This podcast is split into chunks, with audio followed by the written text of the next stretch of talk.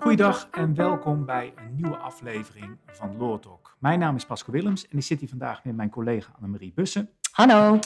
En vandaag hebben we een, nou, ik denk wel een actueel uh, onderwerp uh, te pakken. En uh, dat is eigenlijk naar aanleiding van een uitzending van Sterren op het Doek.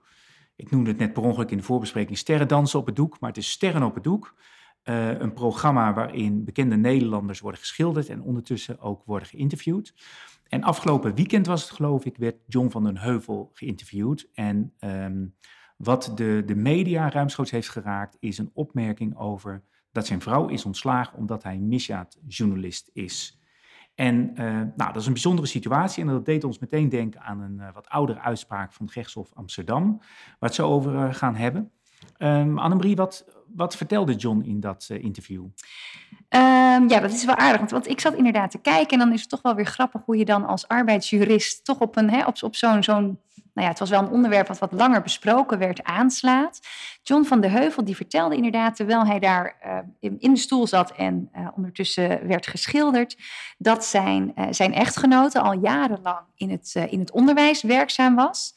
Um, maar dat zij dus een, ja, toch wel een heftig jaar achter zich hadden omdat eigenlijk um, door de school uh, aan zijn echtgenoten was meegedeeld van joh, um, het houdt voor jou hier op. Wij gaan jouw arbeidsovereenkomst beëindigen.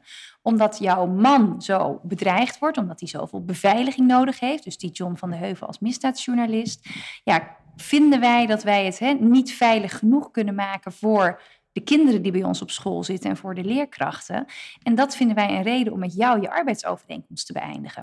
Ja, en ik geloof dat de aanleiding was de moord op Peter R. de Vries. Hè? Ja. En het feit dat de beveiligingsmaatregelen van John zijn van aangescherpt. zijn aangescherpt. Ja. Hij werd al beveiligd. Maar um, vanwege de dreiging die daaruit voortkwam, uh, zou die worden aangescherpt. En dat was inderdaad voor het schoolbestuur uh, te zeggen uh, van nou, daar willen wij niet aan meewerken. En uh, sterker nog, ga maar naar huis en we gaan het arbeidsovereenkomst uh, beëindigen. Ondanks dat er, althans dat zegt John van de Heuvel, er geen concrete aanleiding was om te denken dat er een groot risico was. Alleen. Anders dan inderdaad gewoon hè, de, inderdaad de moord op, op Peter R. de Vries. Precies. Plus wat eh, John van der Heuvel ook nog aangaf, is van, hè, dat ze wel van alles hebben geprobeerd. Hè, dat ze zelfs mediation hebben voorgesteld om te kijken of er nog een, hè, een andere oplossing kon worden gevonden dan het beëindigen van de arbeidsovereenkomst. Hij had het erover dat zelfs de burgemeester ook nog bij gesprekken betrokken is geweest. Maar dat dus nu wel zijn echtgenoten na jaren in het onderwijs te hebben gewerkt, ja, nu dus eigenlijk voor hem uh, haar baan heeft op moeten zeggen, of in ieder geval uh, is, uh, die is beëindigd tegen haar zin in. En dat zij nu dus zonder, ja, zonder haar, haar invulling zit. Terwijl ja. ja hij natuurlijk hè, met beveiliging en al nog wel aan het werk is. Dus ja, dat, ja. dat, dat nou, je zag dat het hem raakte. Maar goed, wij gaan er natuurlijk meteen kijken van hoe zit dat dan precies arbeidsrechtelijk? arbeidsrechtelijk precies, want dat is natuurlijk wel interessant. Hè? Deze mevrouw die, die wordt ontslagen door een situatie waar zij ja, zelf persoonlijk. Part geen, nog deel aan heeft. Precies, hè, dus het, het overkomt haar. Uh, het overkomt de werkgever uh, eigenlijk ook. Hè, dat, die worden daarmee geconfronteerd. En deze uh, werkgever schiet in ieder geval behoorlijk in de stress. al dan niet terecht, dat laten we even in het midden. Maar die zien wel meteen aanleiding om daarvoor haar arbeidsovereenkomst te beëindigen. En de vraag is natuurlijk van, ja, hoe zit dat nou arbeidsrechtelijk? Heb je dan wel een reden voor uh, ontslag. Ik begrijp dat hier uiteindelijk een, een, regeling is getroffen. Volgens mij wel, want ik hoorde niet dat het, hè, het woord procedure is niet gevallen. Dus ik denk dat er inderdaad gewoon uiteindelijk een vaststellingsovereenkomst is gesloten. En dat op die manier dus de arbeidsovereenkomst uh, is, uh, is beëindigd. Ja, na 40 jaar in het onderwijs. Ik weet niet of dat helemaal bij deze werkgever was. Maar hij zei wel 40 jaar in het onderwijs. Met ook nog eens een keer dat de kans dat zij ergens anders in het onderwijs aan de slag komt, in de huidige situatie natuurlijk minder groot is. Maar, maar goed, maar ja, hoe zit dat arbeidsrechtelijk? Nou ja, dat is wel aardig, want dat was hè, dan ook wel in het weekend. Dan denk ik altijd meteen, daar heb ik toch een keer eerder iets over gelezen. Ja, wat dat betreft inderdaad een, een geheugen als een olifant, zeggen we altijd. Want als wij hier op kantoor dat wel eens willen weten, voordat we gaan zoeken in, in de systemen, vragen we altijd eerst aan, ons, uh, aan onze goeroe Annemarie van, weet jij nog? En nou, grote kans dat er iets naar boven komt, dat jij nog wel ergens een uitspraak weet van dat was ongeveer zo en zo en die en die. Ik zat hier wel een klein beetje mis, want ik dacht dat het een jaar of twee, drie geleden was. En het is uiteindelijk al een uitspraak uit, uh, uit 2017. Dus nou, zo zie je maar dat Ja, maar in coronatijd heeft de wereld twee jaar stilgestaan. Dus als we die erbij, dan zat je wel redelijk... Dan zat ik redelijk in de goede richting. Nee, dat is wel, wel aardig, want het is een uitspraak dus van het gerechtshof Amsterdam van 9 mei 2017. En daar heb je de situatie dat er een, uh, een werknemster, een uh, pedagogisch medewerker, zij werkt al vanaf 1 april 2008 bij dat kinderdagverblijf. Het speelde in Amsterdam. En um, een van de broers van die medewerkers, van die medewerkster, die is in verband gebracht met het criminele milieu. En uh, vervolgens zie je in deze uitspraak dat er, dan worden er een aantal feiten op een rij gezet en daar nemen we jullie eventjes in mee. Dus je hebt een pedagogisch medewerkster, maar haar broer zit kennelijk nou ja, in het criminele milieu. En dan wordt in 2014 de vriendin van die broer wordt doodgeschoten. Zeg maar haar schoonzus. Haar schoonzus. Dus nou ja, best, best natuurlijk wel heftig. Um, en dan zie je dat er vervolgens uh, wel contact wordt opgenomen, ook door de werkgever, een aantal keer met de politie. Of dat dan ook nog iets doet met de werkgeversrelatie. Hè, van heeft mhm. dit nou ook consequenties voor de medewerkers die wij hier hebben werken? En wij als organisatie met, ja, wij, wij vangen hele kleine kwetsbare kinderen vangen wij op. En daar wordt volgens mij tot twee keer toe van gezegd, nou nee, er is niks aan de hand. Tot 14 augustus 2015. Want dan zijn er twee rechercheurs van de criminele inlichtingeneenheid. Die brengen een bezoek aan werknemster, ook daadwerkelijk op het kinderdagverblijf. En die vertellen haar dat er een dreiging op haar leven is. Even los natuurlijk van de impact hè, op, voor, voor die mevrouw zelf, is dat natuurlijk afschuwelijk. Maar dan denkt de werkgever van ja, eigenlijk zie je wel, ik heb al een paar keer geïnformeerd, maar nu heb ik echt een, een, nou ja, een hele duidelijke mededeling. En vervolgens heeft die werkgever op 1 oktober een gesprek met het uh, eh, OM, met het Openbaar Ministerie en met een adviseur van de burgemeester. Dus hè, de werkgever is echt wel op zoek naar van wat, ja, wat moeten wij hier nu mee? Ja. wat kunnen wij hiermee? En dan komt er een brief van de Nationale Politie van 2 oktober, waarin inderdaad dus schriftelijk wordt bevestigd dat deze werknemster inderdaad is benaderd door de politie met als doel om haar te informeren dat er een dreiging op haar leven was. En um, dan zie je vervolgens in de feiten dat er, um, ja, mevrouw valt volgens mij ook ziek uit, dus dan is ze er ook een poos niet. En dan op het moment dat zij weer kan reïntegreren, zegt de werkgever van ja, maar wij zouden dat wel willen, maar gelet op die brief van dus 2 oktober 2015 van de nationale politie, ja, kunnen wij jou gewoon niet uh, terug laten komen om te reïntegreren. Want wij moeten er alles aan doen om de medewerkers, maar met name ook de kinderen een veilige omgeving te bieden. En ja, die staat gewoon op het spel door die dreiging op jouw leven. En hoe vervelend ook, maar wij willen niet dat jij terugkomt. Wij willen dat dit, uh, dat dit eindigt. Um, vervolgens heeft er volgens mij ook nog wel een mediation traject plaatsgevonden om over een oplossing na te denken. Maar die uh, wordt helaas niet gevonden. En dan uh, is eigenlijk ja, de laatste stap die de werkgever zet, is dat er aan de kantonrechter wordt gevraagd om de arbeidsovereenkomst te ontbinden. En um, we hebben het natuurlijk wel vaker gehad over wat zijn nou ontslaggronden. Maar wat de werkgever hier doet, die vraagt ook primair om ontbinding op de H-grond. En de H-grond, dat is eigenlijk ja, de restgrond, de, de vergaarbak. Als je het nergens anders onder kunt schuiven, dan zeg je als werkgever, ja, in redelijkheid kan van ons niet gevergd worden dat deze arbeidsovereenkomst wordt voortgezet. Um, dus, beste kantonrechter, wilt u maar ontbinden op dus die H-grond. Ja, die lijkt er ook wel voor dit soort situaties, zo'n ja, bijzondere situaties geschreven te zijn. Het past niet een van de andere gronden.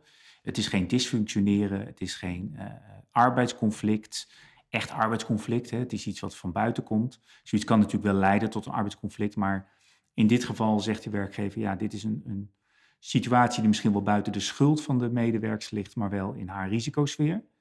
En um, ja, van ons kan niet gevergd worden de arbeidsovereenkomst te laten voortbestaan. Um, en je, je ziet dan ook dat die, die rechter daar op zich wel uh, ja, uh, zich in kan vinden. Ja, ja, de kantonrechter die ontbindt inderdaad op de H-grond. En daarbij wordt dan wel de transitievergoeding toegekend aan de werknemster. Maar daar is zij het niet mee eens. En zij gaat dus in hoger beroep. En dan komt zij bij het gerechtshof Amsterdam. Dus op zich wel, hè, ik gaf net aan, het is een uitspraak van 9 mei 2017. En die brief van die dreiging, die was dus van 1 oktober 2015. Dus dan kun je zeggen van nou, ruim anderhalf jaar later gaat dus ook weer het Hof Amsterdam beoordelen. Van is het feit dat er dus kennelijk een dreiging is op haar leven, is dat dan voldoende redelijke grond om de arbeidsovereenkomst inderdaad te ontbinden? En ook het Hof gaat daarin mee. Ja. En de werknemer heeft best wel wat argumenten waarvan je kunt zeggen, ja, daar zit wel wat in. En ze zegt uiteraard van, ja, maar ik kan er toch echt helemaal niks aan doen. Waarom komt dit volledig voor mijn rekening en risico? Want werkgever, je hebt naar mij toe toch ook verplichtingen. Je moet voor mij ook een veilige werkomgeving. Moet jij bieden, niet alleen voor, hè, natuurlijk voor mijn collega's en voor de kinderen die in onze zorg zijn toevertrouwd, maar ook naar mij toe. Uh, plus zij geeft aan van, ja, ik heb inderdaad dat gesprek gehad, die dreiging op mijn leven, maar mijn broers en zussen niet. Er volgt uit, dus, hè, uit de feiten uh, ook niet dat mevrouw beveiligd werd of iets dergelijks. Dus dat er iets in die anderhalf jaar ook daadwerkelijk was gedaan om die dreiging zo beperkt mogelijk te houden. Ja, en dus zegt deze mevrouw in, uh, in hoger beroep van ja, het, het gaat echt te ver om nu um, hè, voor iets wat volledig buiten mij ligt om dan mij hè, daar eigenlijk de dupe van te laten zijn en mijn arbeidsovereenkomst te ontbinden. Plus nog een, juridisch argument is dat haar gemachtigde zegt van ja, maar nu ga je die haaggrond wel heel erg oprekken. Hè? Jij gaf net aan, Pascal, de restgrond is natuurlijk juist voor dingen die we niet in een andere redelijke ontslaggrond kunnen duwen. En die advocaat zegt van ja, maar dan hè, wijze van spreken, dan wordt het wel heel erg breed. Mevrouw kan hier niks aan doen. Uh, maar goed, het Hof is daar in die zin, uh, nou, ik wil niet zeggen niet gevoelig voor, maar ze gaan daar niet in mee. Want ook het Hof zegt van nee, in deze zaak hè, is, er, um, um, is er voor de werkgever wel degelijk ja, een, een voldoende grond om te zeggen er kan in redelijkheid niet gevergd worden om de arbeidsovereenkomst te laten voortduren. Um, want in deze omstandigheden is het gewoon niet mogelijk om een veilige werkomgeving te garanderen.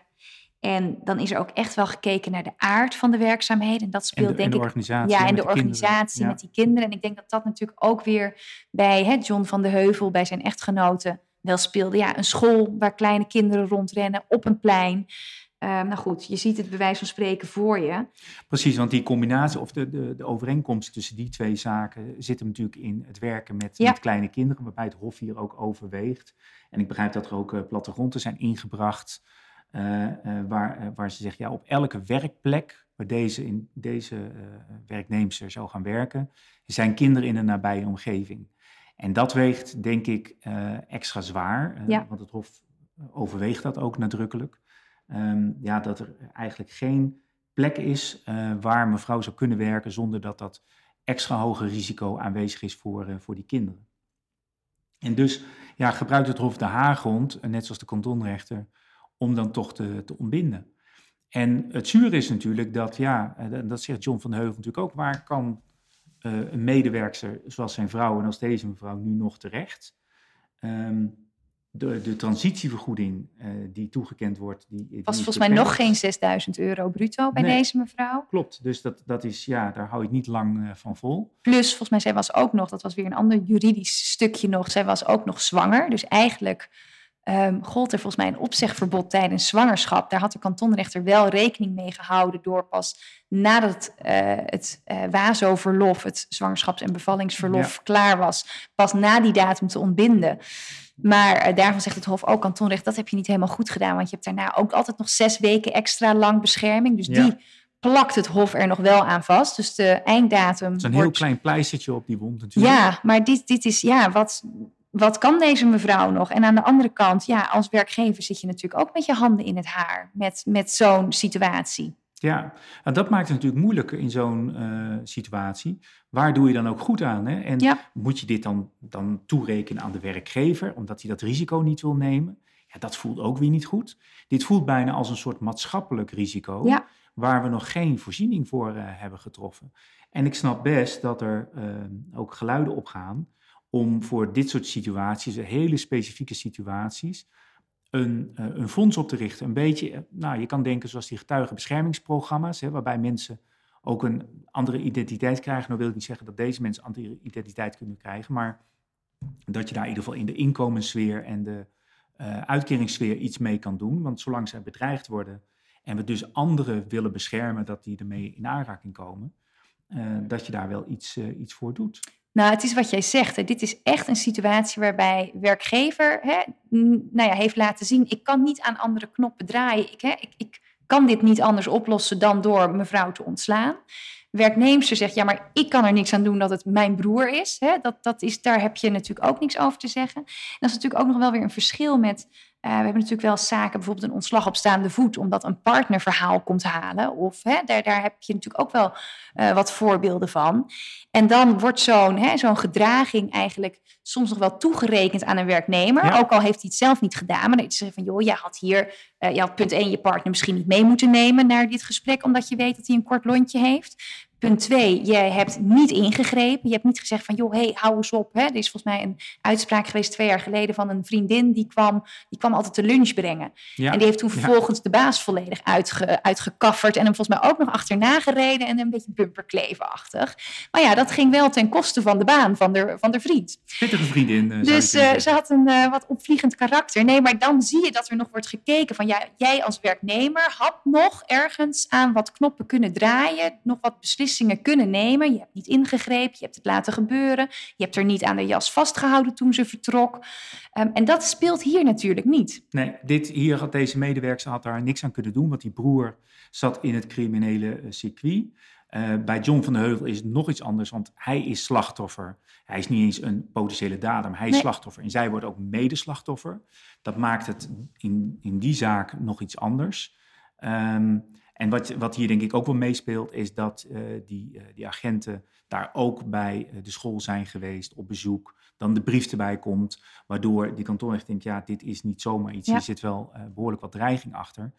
Um, Terwijl je je ook wel weer wat kunt voorstellen bij het argument van die mevrouw. Ja, het is nu anderhalf jaar later. Ja. Er is niks gebeurd. Het is niet dat ik nu beveiligd word. Oftewel, ik krijg dit bericht. Dreiging op je leven. En succes ermee, terwijl ik geen baan meer heb. Precies, en, en kennelijk is het niet voldoende om haar te beschermen, maar wel voldoende om haar te ontslaan. Te ontslaan omdat er een mogelijk risico ja. was voor uh, de kinderen. En dat maakt dit soort situaties altijd, altijd erg gecompliceerd. En wat je ook net al aangaf bij de ontslagstaande voetzaken, waarbij uh, partners, familieleden en zo betrokken zijn, dat maakt het ook lastig. Je ziet het ook in de beveiligingsbranche en ook op Schiphol worden ook altijd uh, background checks gedaan, waarbij ook partners en familieleden helemaal doorgelicht worden. En dat kan ook een veiligheidsrisico zijn, bijvoorbeeld je geen toegang krijgt ja. tot een bepaald uh, gebied. Um, dus ja, de, de privésfeer, de sociale context, uh, heeft arbeidsrechtelijk, kan dat wel degelijk uh, consequenties hebben. hoe zuur dan ook dat soms voor de betrokkenen is.